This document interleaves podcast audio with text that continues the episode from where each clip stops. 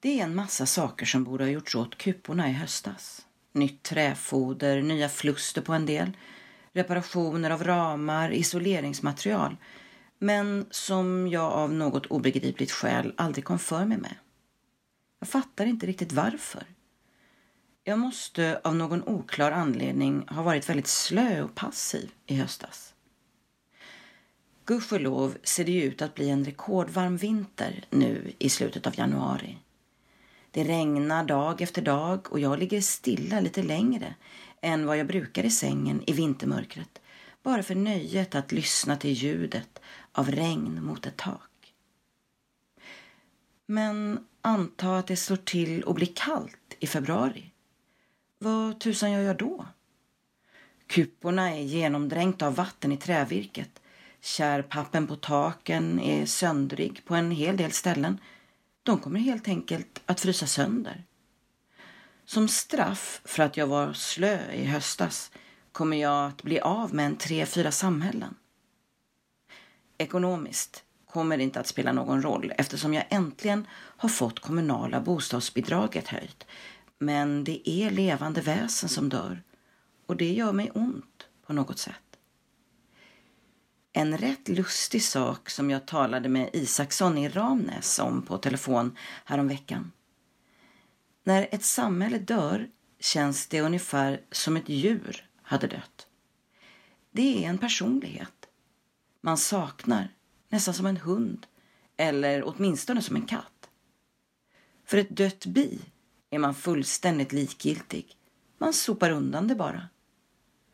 Det konstiga är att bina har precis samma inställning.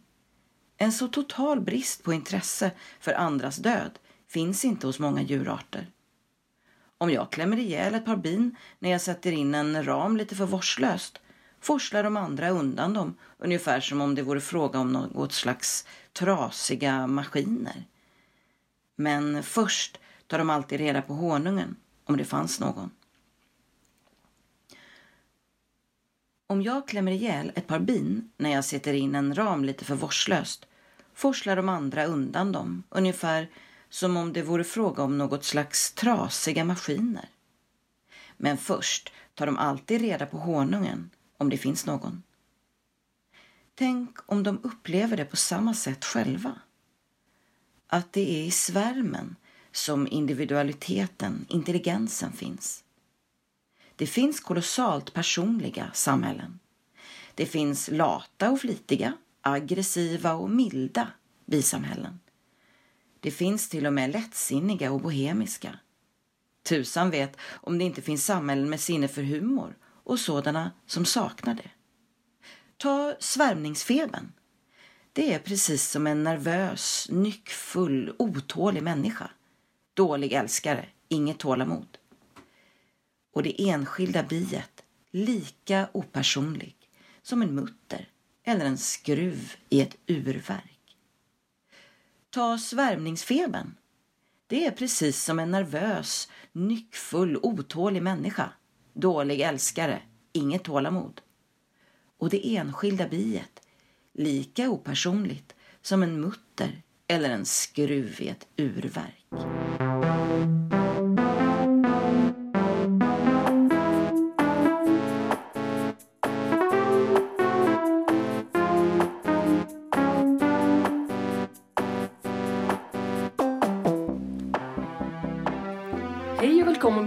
Avsnitt på podden Opraktisk. Och idag ska vi faktiskt prata om sjukdom. Och här har jag två människor med mig i studion. Den ena är Martin Gunnarsson. Ma Hej. Hej Martin. Du är ju etnolog på Centrum för praktisk kunskap på Södertörnshögskolan. Och du har forskat mycket om vården och olika frågor men just nu forskar du om vårdkoordinators arbete och har någon slags existentiell perspektiv. Mm. Det finns ju olika former av vårdkoordinatorer men eh, det som har blivit fokus i mitt projekt är så kallade njursviktskoordinatorer. Jag skulle också eh, forska kring eh, kontaktsjuksköterskor i cancersjukvården men på grund av pandemin så kunde jag inte riktigt fullfölja den studien. Men eh, båda de eh, yrkesgrupperna jobbar ju väldigt nära patienter och har samtal av olika slag med patienter. Eh, och har också som uppgift att eh, koordinera, det vill säga vara medvetna om vad olika yrkesgrupper gör eh, och både informera de yrkesgrupperna och patienterna om eh, vad som sker i, i den vårdprocess som gäller just den patienten. Men jag har fokuserat rätt mycket på de här samtalen som eh, koordinatorerna har med patienter. Och där i de samtalen finns det i hög grad liksom existentiella dimensioner som, som uttrycks. Så. Mm. Och så har vi med oss uh, Ylva Skog och du är sjuksköterska och just nu sviktskoordinator på njurmottagningen på Akademiska sjukhuset i Uppsala. Mm, det stämmer. Till vardags brukar jag kalla mig för njursviktssköterska. Mm. För det brukar vara en, någonting som patienterna kan ta till sig. Det låter så konstigt att säga koordinator. Mm. För mig var det svårt just att uttala njursvikt. Men, ja. men berätta lite kort, vad, vad gör du? Ja, vad gör jag? Jag eh, eh, bokar in patienter och har samtal med dem. Eh, och försöker, tillsammans så försöker vi komma på vad som skulle vara, passa bäst för dem i, i den fortsatta vården inom njursjukdom då, kan man säga. Mm. Och det är då just i början av sjukdomen du träffar dem? Nej, det behöver inte vara, precis vara det. det är, eh, de kan ha gått flera år på njurmottagningen och var, bara varit på läkarbesök. Men eh, vid en viss tidpunkt så börjar det dra ihop sig att ta vissa beslut för framtida, eh, framtid vård, framtida vård. Och då brukar jag komma med i bilden mm. och guida dem lite. Mm. Mm.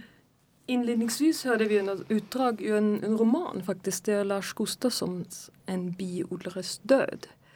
Och det var du Martin som valde just det stycket i romanen som är, handlar, så är skriven då i en biodlares perspektiv. Varför valde just den texten? Mm, jag tyckte det var ett intressant, en intressant gestaltning av hur sjukdom kan framträda i världen eh, eh, eller i våra praktiker. Här är det ju då Lars Lennart Westin, kallad Vesslan, som eh, ligger och funderar och antecknar i sin anteckningsbok eh, i januari är det väl. Och minns tillbaks, eller han tänker på eh, bikupornas tillstånd i nuläget och minns tillbaks hösten och frågar sig liksom varför eh, gjorde jag inte ordning bikuporna för vintern? Mm. Varför lyckades jag inte med det? Eh, och, och, varför var jag så slö? Eh, och ehm, då är det innan dess också så har han haft vissa aningar om att det är någonting som är fel. Mm. Hunden känner inte igen honom längre. Han har smärtupplevelser som man inte känner igen. Det, eh, det är värre än vanligt liksom, ryggskott och sådär. Och, så han har någon aning om sjukdom. Och, och, det som jag tyckte var intressant här det var att det är som att den här slöheten, den här, det här sjukdomssymptomet liksom framträder i bikupornas tillstånd i någon slags ofullbordade uppgifter. Mm. Eh, och så tror jag att många gånger att det kan vara. Eh, det finns olika sätt att insjukna på men det här kan vara ett sätt.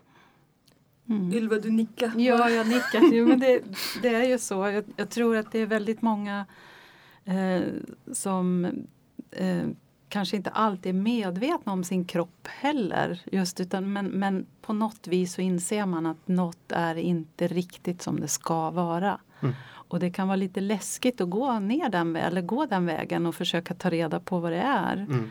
Och därmed så låter man det vara. Mm. Uh, och hittar kanske irrationella förklaringar till vad, som, vad det beror på också. Som ryggskott då mm. kanske. Mm. Precis vad gör du då i samtal med personer som kommer till dig? Som...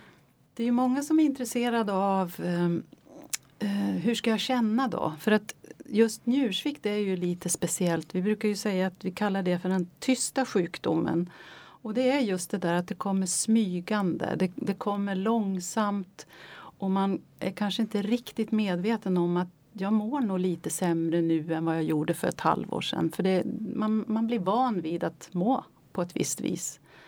Eh, och, och då blir kanske första samtalet kanske handlar just om att bli medveten om vad som händer i kroppen när man får njursvikt. Eh, och, och då blir det just att det är många som, som känner igen sig. Ja men det där har jag ju känt förut. Och, um, det, blir, det blir någonting som, som gör att de, de får bekräftelse på att det faktiskt det där gnagande konstiga de kanske har känt får, får en förklaring vad det kan bero på. Så det är väl mycket det de första samtalen handlar om. Det är många som är, funderar på vad, hur, hur kroppen fungerar. Och man blir medveten om att eh, njurarna gör väldigt mycket. De har många uppgifter i kroppen som man kanske inte är medveten om. Du sa innan till mig att vissa människor säger till dig nej, ni måste ha fel. Mm. Det stämmer inte om mig. Nej, det är många som har en overklighetskänsla. Just det här att man eh, Ja, man nästan kommer in och säger att jag tror ni har fel för att jag mår bra och hur kan ni säga att jag, att jag är sjuk? Eh, och då får man ju ta sig an samtalet på ett annat sätt eh, och, och fundera kring vad, vad, vad det beror på att man säger så. Um, är det att man uh, är rädd eller att man känner att det här orkar inte jag prata om eller ja, det, då får man undersöka den biten först. Tror jag. Mm. Det är mycket freestylande när man pratar med mm. folk faktiskt. Så personer kan man säga. Mm. Det... Ja men precis. Det verkar som i ditt yrke så, så gäller det ju väldigt mycket att känna av var befinner sig den här mm. personen. Precis. Och vad har den erfarit tidigare. Mm. För jag tänker, har man eh, varit med om en eh, upplevelse som man själv tolkar som eh, sjukdom eller till och med allvarlig sjukdom. Mm. Då kanske just, eh, då är det det man behöver är den här förklaringen. Vad är det jag lider av egentligen? Mm. Eh, och, och, förhoppningsvis finns det då saker man kan göra. Mm. Eh, många gånger är det ju så människor söker sig till vården. Att man har upplevt någonting som är mm. utöver det vanliga. Mm. Och någonting som man kanske också själv nu för tiden liksom man googlar fram att det skulle kunna vara, vad vet jag, cancer. Det skulle kunna vara mm. eh, mm, reumatism eller, ja. eller bara eh, något, ja, något som en läkare kan göra någonting åt. Men det stämmer faktiskt. För jag brukar Ibland brukar jag säga att man, att man befinner sig mitt ute på ett hav. Och att man, det, det är människor, det vi vill, eh, att man vill förhålla sig till någonting. Man vill, känna, man vill fästa blicken på någonting. Även om det kanske är lite läskigt. Men det, ibland kan det vara skönt att, att bara ha någonting att förhålla sig till. Mm. Eh, för att det är ännu läskigare att vara ute på det här havet och inte veta någonting. Mm. Eh, så, så då brukar det ofta bli så att vi, vi, vi siktar in oss på någonting. Att, vad, vad, vad kan det bero på? Vad, hur, hur ser njursvikt ut och vad händer i kroppen och, och sådär. Mm. Så att, mm. Just att få en förklaring, mm. att ha något att förhålla sig till mm. tror jag är en stor nyckel i, i ett samtal faktiskt. Sen kan det ta olika lång tid att acceptera det. Mm. Verkligen. Mm. I den där romanen av Lars Gustafsson då så jag minns det, då hade han fått hem ett brev som han inte vågade öppna. Mm. Han anade att det finns dåliga nyheter. Mm. Samtidigt som i den där biten som vi läser har han ju identifierat redan mm. att det är något som är lite fel. Mm. Men som du sa, det intressanta med den där berättelsen är att han lägger det inte innan sig själv, sin egen kropp. Men lägger sig utanför sig själv, hur han ser på sitt arbete och sin interaktion med sina bikupper. Har du, har du liknande erfarenheter av möte med människor som kanske mm. säger att min partner har blivit konstigt? ja, men, nej, men det är mycket det där med acceptans tror jag. Alltså att man, eh, jag brukar nog också säga att vi tar det i, i din takt. För det brukar ofta ge kraft åt att våga gå vidare. Att man direkt får en, en, en signal om att det är jag som bestämmer hur, hur läskigt det ska bli. Eller det är jag som bestämmer hur, hur, hur länge vi stannar på en viss nivå och sen kan vi gå vidare. Eh, ibland tyvärr kan det ju vara så att man kanske inte har tiden med sig.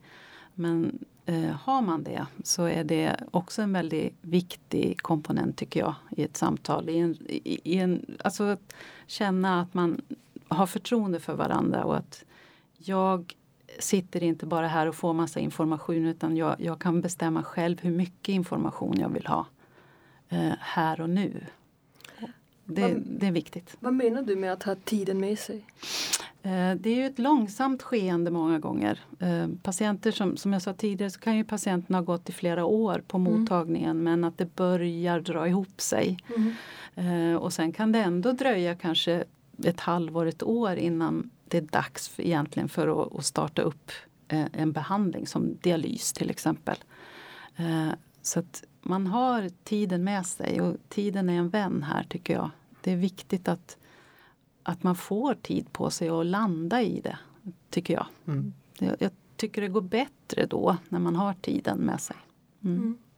mm. Men det var ju något som jag märkte, har märkt i min forskning och även när jag, då när jag tidigare liksom fokuserade mer på patienters erfarenheter av svår sjukdom så handlar ju om att acceptera och att våga närma sig det här svåra och mm. livsomvälvande som ja. det är.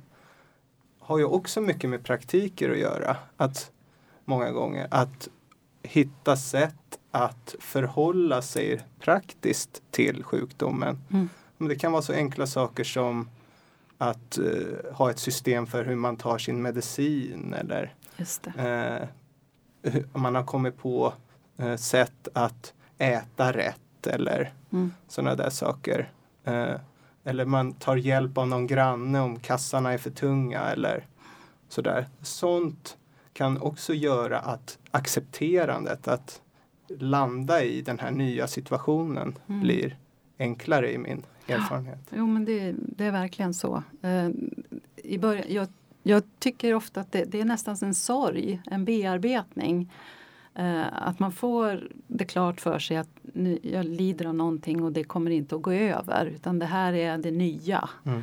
Och, och, det är ju en förlust av det som har varit och en sorg över att det har blivit så här. Eh, och sen, det måste man igenom och sen, måste, sen kan man börja mobilisera och bygga upp och hitta nya sätt att hantera sin vardag mm. och tycka att det är helt okej. Okay. Det, det är dit man vill nå, mm. att, det, att det ska vara okej. Okay. Mm. Skulle du säga det, det är det som du arbetar mest med, med den där övergången? Ja, så, så kan man väl se det. Eh, det är ju, dels är det ju det här att, att få vara en stund och bara prata om hur det känns att vara sjuk. Inte eh, jag har problem med blodtrycket, jag behöver en högre eller lägre medicin. Eller, alltså det blir så, det blir, ibland kan det bli ganska tekniskt hos doktorn eller läkaren. Mm. Men hos mig så blir det mer hur upplever du det att vara sjuk? Hur ser din vardag ut? Vad är det som är jobbigast för dig just nu? Mm. Eh, det kan ju vara just det här att man har så många mediciner så att det, det påminner mig om att jag är jättesjuk.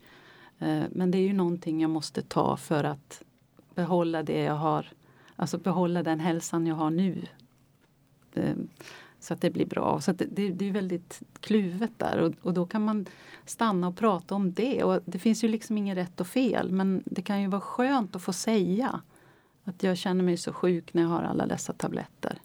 Men jag vet också att jag måste ta dem. Mm.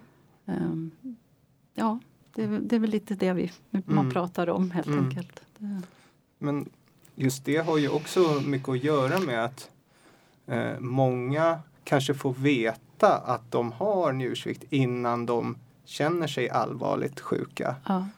Och det är ju en jättesvår sak som många idag upplever i och med att det går till så i sjukvården att sjukvården har förmågan att identifiera och diagnostisera sjukdom innan symptom visar sig. Mm. Och då är det som att jag har en vetskap om någonting som inte jag känner, som jag inte liksom förkroppsligar än. Precis. Och, eh, men det finns samtidigt många saker jag kan göra och om jag förändrar mitt liv så kan jag dels skjuta jo jobbiga behandlingar på framtiden men också kanske leva längre. Eh, men att förändra vanor och rutiner som man har etablerat under ett helt liv är ju som vi alla vet jättesvårt. Mm. Mm. Och då kanske det inte räcker med bara en vetskap, en information utan då behöver man samtal under en längre tid för att liksom landa ja. i det på något sätt. Jo, jo. Ja, men det håller jag med om. Det, så är det. Um, det är ju...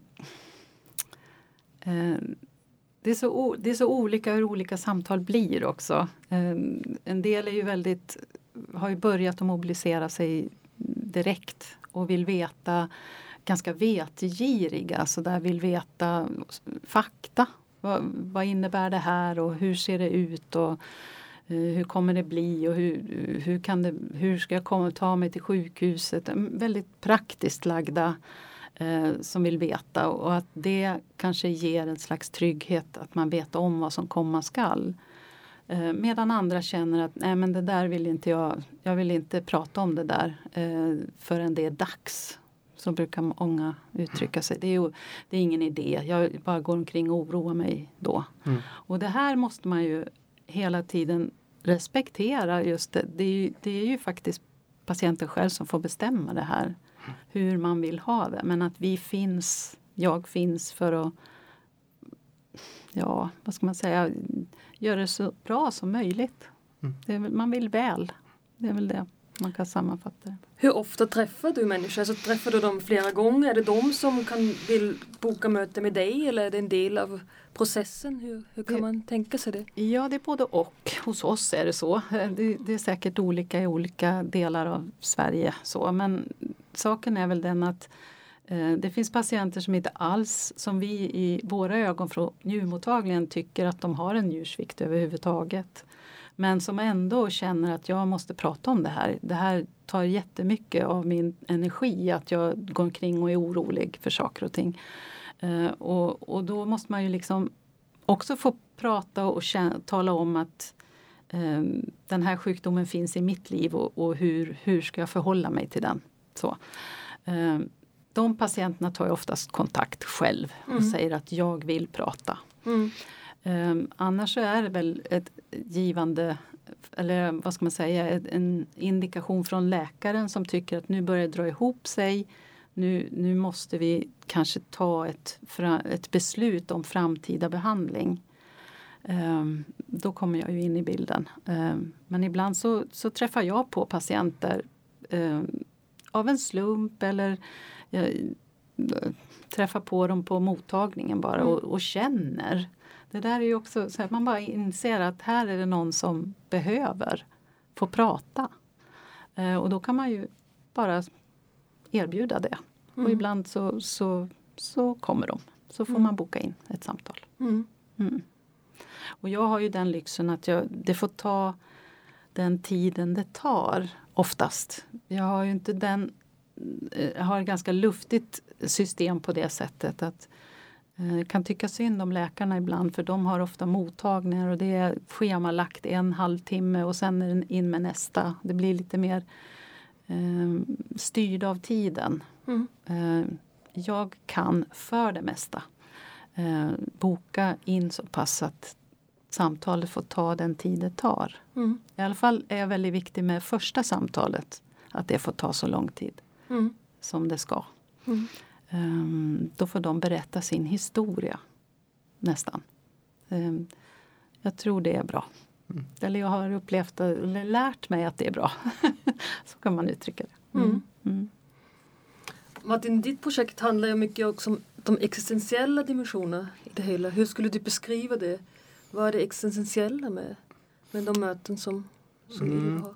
Men för det första är ju sjukdom på något sätt eh, en erfarenhet eller ett tillstånd som öppnar upp existentiella dimensioner skulle jag säga.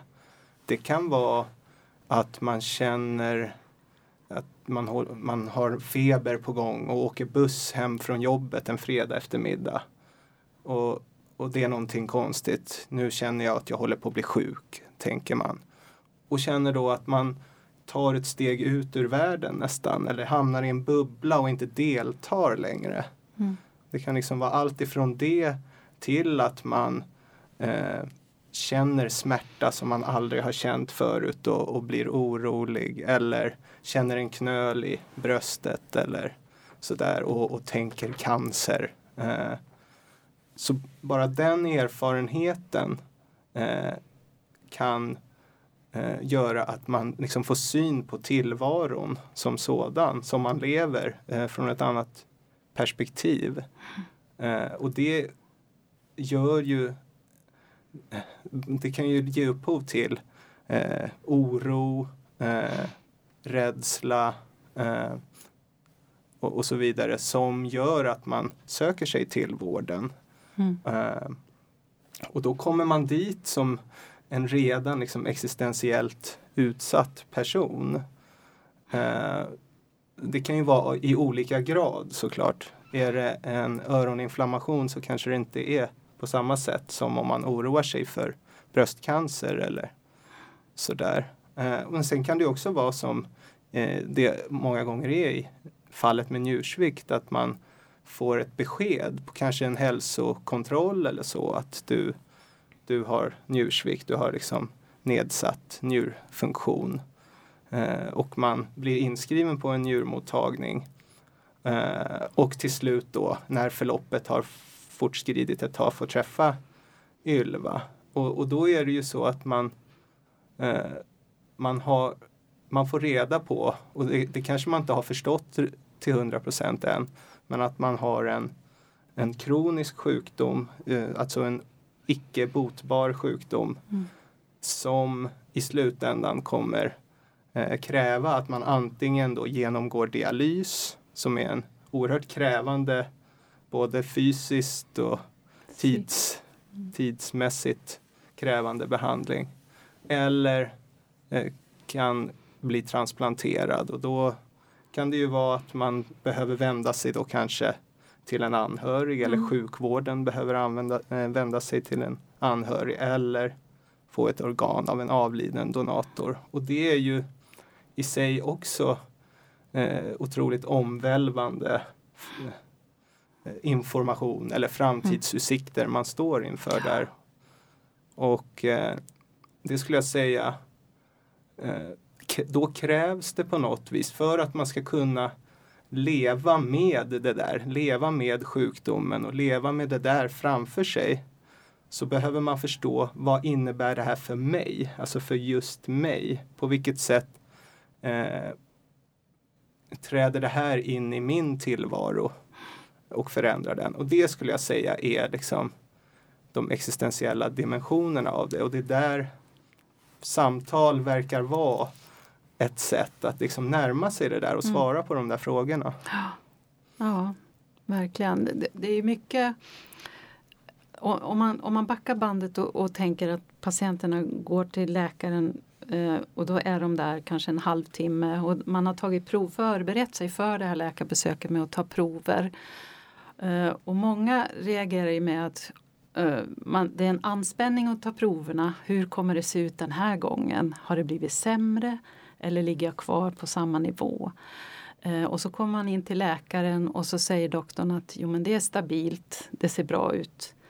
Eh, och så går man lättad ut därifrån. Eh, och, och, har, och så, så går man ut från sjukhuset och så har man varit där en halvtimme och så stänger man av. Och sen fortsätter livet. Mm. Och, och det där blir ju, det där går ju att hålla det på en, en, en balanserad nivå, att, att det funkar och ha det så. Jag går till doktorn en, en gång i halvåret och han säger att det är okej okay och sen går jag ut därifrån och så är det bra. Men sen när det börjar hända grejer, det rör på sig i, i njursvikten, det är då det händer jättemycket grejer i, i kroppen, också i sinnet. Så att man blir, det börjar brännas, det börjar hända saker och då reagerar man ju på olika vis. Så det är många som kommer till mig och är jättenervösa och tror att det är dags för dialys nästa dag för att de, de har sånt här katastroftänkande. Eh, så då får man ju fiska upp dem i det och, och, och diskutera och prata om det och känna hur, hur, hur kommer det sig att du tänker så här och hur, vad är det som, vad tänker du? Hur tror, är det um, Ja, det är svårt att, men hur, hur tror du att framtiden kommer att bli? Vad är du rädd för? Vad är det som oroar dig? Um, för det, det, blir liksom som ett, man levlar upp i sin, i sin um, känsla av att ha sjukdom. Mm. Så kan man säga. Att det blir, ja, man får, man får um, det stramar åt. Mm. Det, nu, nu händer det grejer. Mm. Uh, och en del reagerar med att jag, jag struntar i det här, jag, det blir nog bra. Och andra mobiliserar och vill verkligen, verkligen veta. Uh, en del kan nästan skämmas över att det har blivit sämre och att man tar på sig är det jag som har misskött mig fram tills mm. nu? Varför tog jag inte chansen att se om mitt hus? Det handlar en del samtal om väldigt ofta. Att vad skulle jag ha gjort istället för härifrån och framåt. Mm. Eh, men det är må många som tar på sig någon slags skuld över att man blir sjuk. Mm. Det är ju intressant mm. faktiskt. Nu heter det avsnittet just sjukdom och när vi pratar nu med varandra så är det ju ett sjukdom som står i, i centrum, njursvikt. Och mm. Man kanske kan googla det och få en definition av vad det egentligen är. Mm. Men nu när jag lyssnar, lyssnar på båda två så är det ju finns det många olika andra dimensioner till än dem. Ja. Den där definitionen skulle ge oss, så jag förstod den där, det är ju en diagnos man får men samtidigt är det inte säkert att man känner av, man känner sig sjuk. Nej, precis. Och sen verkar det att hela förhållandet till sin kropp och sin tid och sitt liv till sina anhöriga. Redan att man kallar det för anhörig betyder att det att man är gift med någon men sen blir det en anhörig till någon som är sjuk antyder också att även den personen har någon slags förändring i sitt liv. Och i allra högsta grad. I allra högsta grad skulle jag vilja säga. Men du träffar de sjuka? Både, um, det är ju många som tar med sig mm. en anhörig så okay. att vi har ett samtal tillsammans allihopa. Så. Um, och det är väldigt givande. Mm. Uh, många gånger så kommer det ju um, att man, man är som ett, kanske ett gift par eller ett, ett, par som har levt tillsammans. Man har en partner och, och, man blir liksom som ett team. Att man, det är många gånger att, att man hjälps åt. Eh, någon tar hand om medicinering eller om, om man bestämmer, det är mycket mediciner så att det, det, är några som, som tar på sig det helt enkelt och sköter det. Um, så att man, man no, ofta är det ju män som faktiskt är njursviktiga och då är det eh, kvinnorna som lagar maten och tar på sig den här njuranpassade kosten som mm. sin uppgift. Så att man, man, man hjälps ju åt i ett sånt förhållande. Men med det sagt så kan man ju också känna sig ganska ensam om man inte har någon anhörig. Alltså att man har ett ensamt hushåll till exempel. Eh, det kan kännas ensamt att inte, att inte bli avlastad med alla dessa eh, goda råd vi kommer mm. med. Så. Mm. Mm. Nej men det är ju verkligen så att när någon blir allvarligt sjuk i alla fall så drabbar, eller vad man ska säga, förändrar det eh, även den anhörigas liv. Mm. Och jag tänker på det, du har ju pratat rätt mycket om tid, Mm. Ylva, att eh, tiden, har man tid, eh, dels att prata och dels innan de viktiga besluten behöver tas eller Mm. de riktiga symptomen börjar märkas så är det liksom en fördel. Oh ja. Och, och då tänker jag att det har ju också mycket att göra med att vi, eh, man som sjuk och som anhörig till en sjuk behöver liksom omorientera sig i tillvaron på något sätt. Och sånt tar ju tid. Alltså att eh, ja, etablera nya vanor, förhålla sig till sin kropp på ett nytt sätt. En kropp som man kanske inte har liksom reflekterat över så Mm. mycket tidigare Mm. eh, tar nu plats i ens liv och man behöver titta på den och våga titta på den Mm. och våga eh, eh, liksom tillägna sig nya praktiker i förhållande till den. Mm. Bo- Och, och det handlar ju också om att eh, kanske börja laga mat på ett visst sätt. Alltså det finns män som in, äldre män som insjuknar i njursvikt som kanske inte har lagat mat tidigare själva ens. Och så, så behöver de göra det nu och en kost. På ett speciellt sätt Ja, också. precis. Ja, precis. Men innan sa jag lite att det, det är inte självklart vad vi menar med sjukdom egentligen. Men det, jag skulle säga det gäller lika mycket med hälsa. Mm. Alltså vad menar vi att, vi är, att jag vet hälsa? Det är lite som ett negativt fenomen då i relation till sjukdomen. Att man plötsligen kan definiera det man har haft innan man insjuknat som då var jag vid hälsa. Mm. Även om man inte tänkte på det på Mm. samma sätt. Man var kanske missnöjd med många saker. Mm. Det var kanske inte ett lyckligt, li- mycket lyckligare liv. Men då var jag hälsa och nu är jag med en, det är lite, vi har ju redan experter i rummet men vi har ändå för säkerhets skull en expert i låda med oss. Ja. Så jag, jag öppnar lådan och det handlar just om hälsa. Kanske. Får se. Ty en hälsa i sig finns det inte. Och alla försök att definiera en sak på det sättet har ömkligen misslyckats.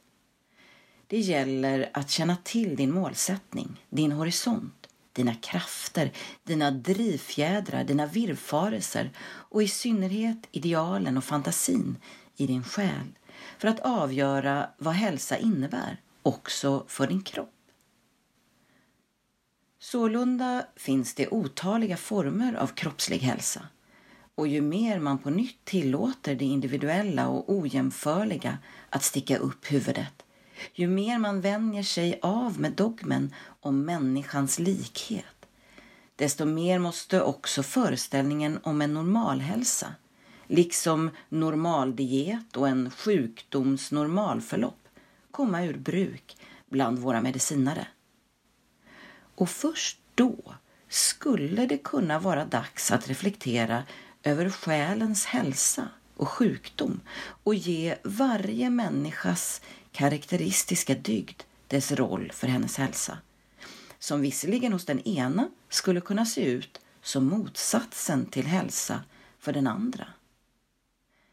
Till sist står fortfarande den stora frågan öppen huruvida vi skulle kunna undvara sjukdomen ens när det gäller utvecklingen av vår dygd och huruvida inte särskilt vår törst efter insikt och självinsikt har ett lika stort behov av en sjuk själ som av en frisk. Till sist står fortfarande den stora frågan öppen huruvida vi skulle kunna undvara sjukdomen ens när det gäller utvecklingen av vår dygd och huruvida inte särskilt vår törst efter insikt och självinsikt har ett lika stort behov av en sjuk själ som av en frisk.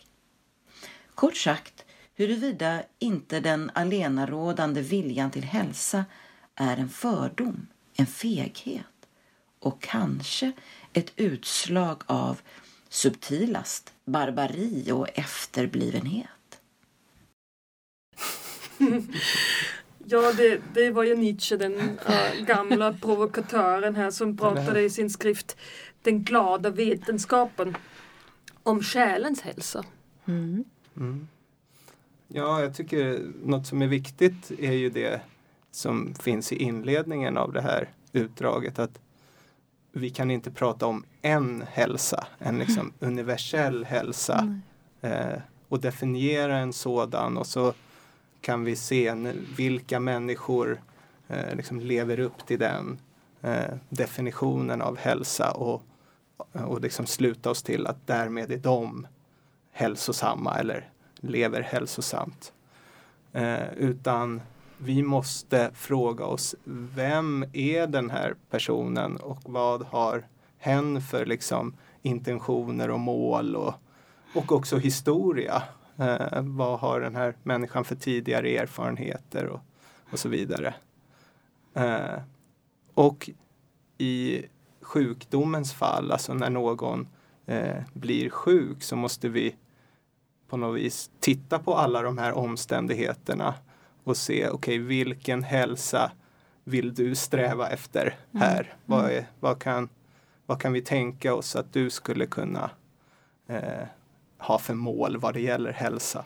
Mm. För det pratar vi ju mycket om, vad som är görbart. Mm. Eh, det finns ju jättemånga glada tips och tillrop från vården att du ska göra si och du ska göra så och då kommer allt bli bra.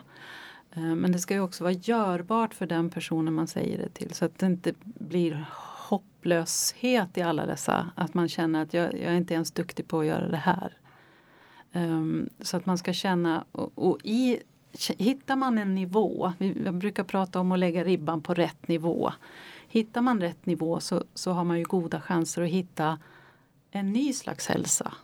Uh, att på den här nivån är det okej. Okay. Och jag kan kan säga till mig själv att jag mår bra. Mm. Och det är ju någon slags hälsa. Mm. Även om man har en kronisk sjukdom mm. så, så mår jag bra här i, på en nivå som man hittar. Um, mm. Precis, och då kan man ju svara på Nietzsches fråga där. Kan vi undvara sjukdomen för hälsan? Och mm. Då kanske det är nej, att vi mm dels så är sjukdom en del av livet mm. eh, i olika grad för olika människor men eh, den risken finns där och alla människor är väl sjuka någon gång i sitt liv eh, mm. på olika sätt. Men också att det kan finnas hälsa i sjukdom. Det tycker jag är en viktig insikt. Ja, det, det. Eh, mm.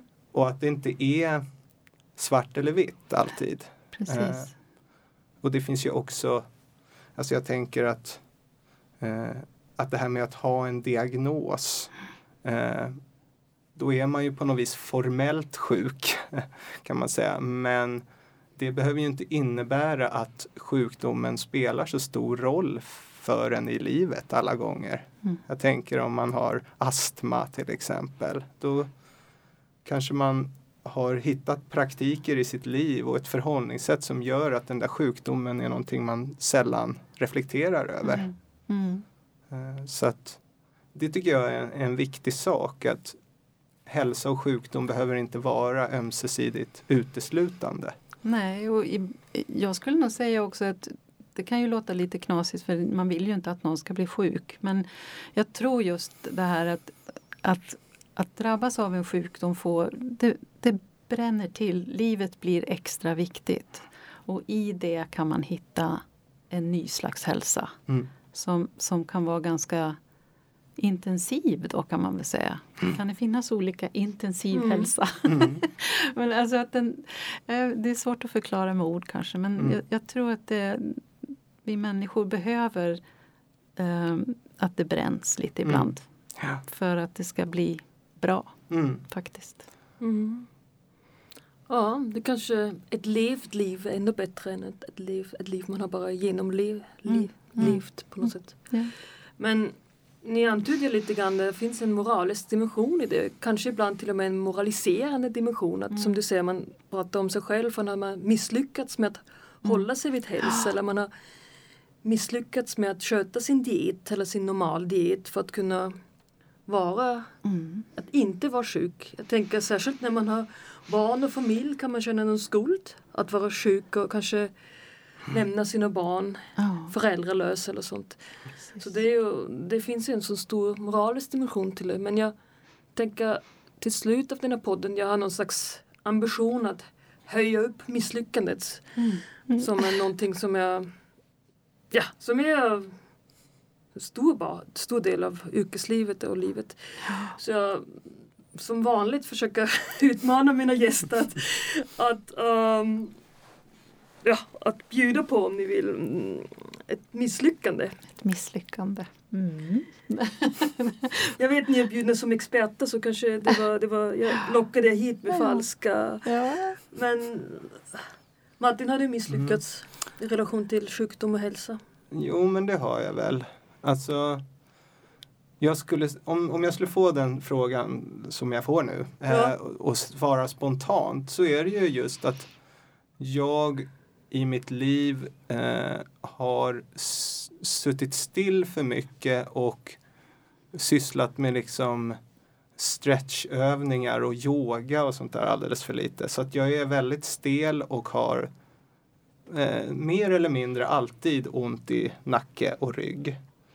Eh, och den skulden till det lägger jag mycket på mig själv. Att jag inte har gjort liksom vad jag har kunnat för att ha en mera rörlig och välmående kropp. Eh, samtidigt så har jag ju blivit tvungen att ta tag i det nu för att jag kan inte leva med smärta hela tiden. Eh, men ändå, trots det, trots att jag har gått till naprapater och stretchar och går på gym och hit och dit så hjälper det inte riktigt. Och då börjar jag bli lite frustrerad och, eh, och då slår tanken mig att ja men det, nu är det bara orättvist. Jag gör ju vad jag kan. Mm. Det är bara orättvist att jag har så här ont. Det finns ju många som inte har så här ont Mm. som jag och som inte gör alla de här sakerna som jag gör nu. Eh, Så då infinner sig istället en bitterhet och kanske frågan, är det mitt fel egentligen? Eller? Mm. Och, och jag tror att vi lever i en tid där eh, just vi tenderar att först tänka på sjukdom som orsakad av något tillkortakommande hos oss själva. Mm. Eh, och det, det är ju djupt problematiskt eh, i och med att Mm. sjukdom som vi har kommit fram till lite här är en del av livet och, och ofrånkomlig på Mm. många sätt. Mm. Förr eller senare så drabbas vi i någon mån på något sätt. Ja. Jo, m- man brukar ju prata om det här eh, genetiska lotteriet Mm. som, som är, att man, man får ju någonting. Eller vi, våra kroppar, de får vi. Mm. De är där de är. Och, och så handlar det väl just om det där att förvalta den då så gott man kan. Men man kan ju inte, jag brukar, det är också en sån där, man, man kan inte göra mer, man gör så gott man kan. Och det är gott nog. Så är det ju. Mm. Vill du dela med dig något misslyckande som du... Ja, det, jag, jag är lite, så här, blir lite ställd så för att jag är så perfekt. Ja. nej. Eh, nej, men just det här med att eh, då, i, om sjukdom och så, så kan jag, i mitt yrke så kan jag ju känna att, att de här samtalen eh, inte alltid går bra. Det är ju ett misslyckande i sig. så. Um, och, och det kan man ju känna är, är väldigt jobbigt. Att man, att man inte når dit man önskar och att det, det samtalet hjälper inte den Mm. personen. Och då vill man ju verkligen reparera och försöka rätta till det. Mm. Um, och det för de är ju mitt uppe i en, i en i en kris och då känns det ju inte roligt att man, att man gör det sämre. Um, det, det är ju jobbigt att misslyckas med samtal när det inte blir bra. Mm. Um, men sen får man ju försöka reparera det så gott det går. Um, och det brukar ju oftast gå att reparera. Det är ju Mm. inte så att, det, uh, att man skiljs som ovänner eller sådär. Men, men mm, Och det är ju någonting som, för att, att ge sig ut på de här markerna så, så måste man våga och misslyckas också. Det är Mm. faktiskt så. Ehm, Det finns liksom ingenting. Det, man, varje samtal är nytt. Mm. Varje samtal är en o, outforskad mark. Och det kan vara lite läskigt ibland och det kan bli fel. Vi, vi kan gå fel helt Mm. enkelt. Men då får man försöka hitta tillbaks de här snåren och försöka hitta fram, tillbaka. Mm. Men eh, ja. Det är ju inte ett misslyckande med sjukdom så. Det blir inte samma misslyckande. Men det är ju, har ju i allra högsta grad med sjukdom att göra och Mm. just att det är människor som befinner sig liksom i en existentiellt utsatt eh, situation och där eh, du behöver utforska vem det här är för att kunna hjälpa den personen i fråga eh, framåt i det här Mm. så kräver ju det att du går in i liksom känsliga områden. Precis. Och, eh, och det, där kan man liksom aldrig veta riktigt hur det ska gå. Det, man öppnar alltid och påbörjar nya processer som vars konsekvenser är oförutsägbara. Liksom. Ja. Eh. Men, men det jag har märkt i min forskning just kring er roll är ju just att eh, något som är viktigt är en slags transparens då att säga kanske nästa gång man ses, alltså ja det blev ju inte så bra förra gången eller Exakt. sådär. Mm. Vi, kan Mm. vi börja på ny kula lite grann eller så. Mm. Och det är ju, där tänker jag det är mod på två sätt. Alltså Mm. dels att våga kasta sig ut i det här okända men också att eh, visa att jag inte är ofelbar utan jag Mm. det, ja, även jag kan göra misstag och, men låt oss se om vi kan reparera. Ja, precis. Och, och att man försöker förmedla det man ville förmedla på ett annat sätt. Mm. Absolut. Eh, Men of, oftast så går det ju att reparera för alla har ju en god intention. Så, Ehm, så absolut. Mm. Mm. Mm. Men då tänker jag, det var faktiskt första gången, kära lyssnare där ute, att vi spelade in en podd tillsammans i ett rum. Ja. Och jag tycker det gick bra. Ja. inte misslyckats. Det kanske ni kan bedöma där ute. Mm. Producenten gör tummen upp. Kanske bra tecken. Mm. Så tack så hemskt mycket Ylva Tack så och. Martin. Mm. Tack själv. Och hej då. Hej då. Hej då.